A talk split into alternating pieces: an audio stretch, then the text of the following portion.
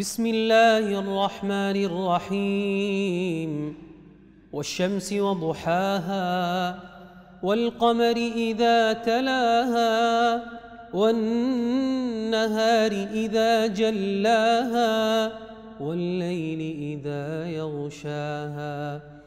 والسماء وما بناها والأرض وما طحاها ونفس وما سواها فألهمها فجورها وتقواها. قد أفلح من زكاها وقد خاب من دساها. نعم.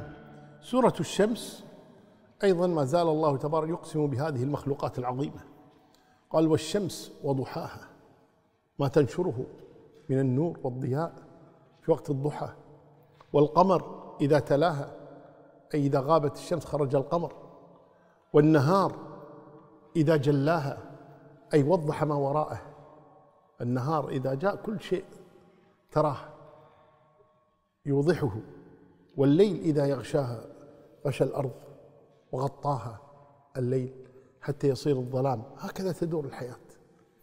قال والسماء وما بناها في العظمة التي بناها الله تبارك وتعالى عليها والأرض وما طحاها أي دحاها سواها سبحانه وتعالى وهيأها للناس كما مر بنا أخرج منها ماءها ومرعاها.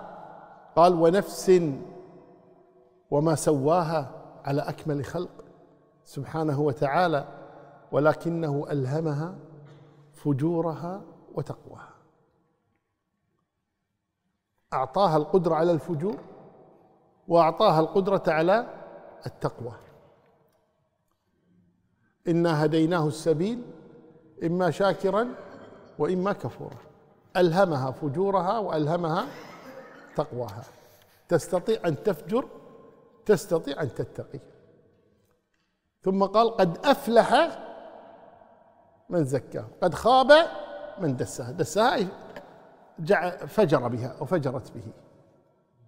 واختلف أهل العلم في قوله تبارك وتعالى قد أفلح من زكاها وقد خاب من دسها الضمير يعود على من؟ فقال بعضهم قد أفلح من زكاها أي من زكاها الله له. وقد خاب من دساها أي من دس الله نفسه. سبحانه وتعالى. والمعنى الثاني قد أفلح من زكى هو نفسه وقد خاب من دس هو نفسه. يعني إما أن يكون أو تكون التزكية من الله وإما أن تكون من الإنسان نفسه يعني سعى في تزكية نفسه. أو أن الله هو الذي دساها أو يكون الإنسان هو الذي دس نفسه. نعم. دساها يعني دنسها. دساها أي دنسها. نعم. كذبت ثمود بطغواها إذ انبعث أشقاها فقال لهم رسول الله ناقة الله وسقياها. فكذبوه فعقروها فدمدم عليهم ربهم بذنبهم فسواها. ولا يخاف عقباها. نعم. قال الله تبارك وتعالى في هذه الآيات كذبت ثمود بطغواها. بطغواها أي بطغيانها. بالطغيان وإذا قلنا قبل قليل قول الله تبارك وتعالى عن ثمود وعاد وفرعون انهم طغوا في البلاد.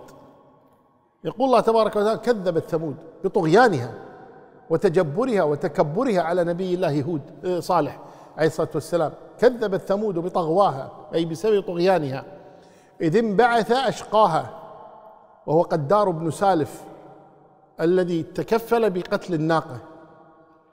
لما قالوا طلبوا صالح أن يجعل لهم آية قال هذه ناقه الله لكم آية. فلا تمسوها بسوء. ولكنهم لم يصبروا اجتمعوا يوما فقالوا من يقوم إلى هذه الناقة فيقتلها. فقام قدار بن سال قال أنا. هذا كما جاء في الحديث أشقى الناس. أشقى الناس. جاء في الحديث أشقى الناس. عاقر الناقة وقاتل علي رضي الله عنه. والحديث فيه كلام في ثبوته لكن الشاهد من هذا أن كون هذا الرجل أشقى هذا بنص القرآن. وهو قدار بن سالف. إذ انبعث أشقاها. فقال لهم رسول الله ناقة الله وسقياها. اتقوا الله فيها. لا تأتوا هذه الناقة. وجاء في بعض الروايات أن هذه الناقة أخرجها من صخرة. وذاك يقولون يعني أخرج حيا من جماد لكن لا يصح هذا أبدا لم يثبت. هذا الكلام لم يثبت أن الناقة خرجت من صخرة. فالله أعلم ما ثبت من هذا شيء. فقال لهم رسول الله اللي هو صالح عليه الصلاة والسلام ناقة الله وسقياها أي احذروا أن تتعرضوا لناقة الله هذه الناقة. وقلنا ناقة الله وبيت الله وعبد الله كلها هذه الإضافات إضافة تشريف. إضافة تشريف. قال ناقة الله وسقياها. قال فكذبوه فعقروها. فدمدم عليهم أي دمر عليهم ربهم بذنبهم أي بسبب ذنبهم. فسواها أي الأرض. أرسل عليهم صيحة واحدة فكانوا كهشيم المحتضر. فدمدم عليهم ربهم فسواها ولا يخاف عقباها. وفي قراءة فلا يخاف عقباها. أي لا يخاف عواقب هذه الأمور عندما يتخذ قرارا يأمر بشيء سبحانه وتعالى لا يخاف عقباه. من سيحاسبه جل وعلا؟ إنما أمره إذا أراد شيئا يقول له كن فيكون سبحانه وتعالى. فتبعات ما يأمر به أو ينهى لا يخافه سبحانه وتعالى. بل كل أحد يخاف الله جل في علاه. نعم.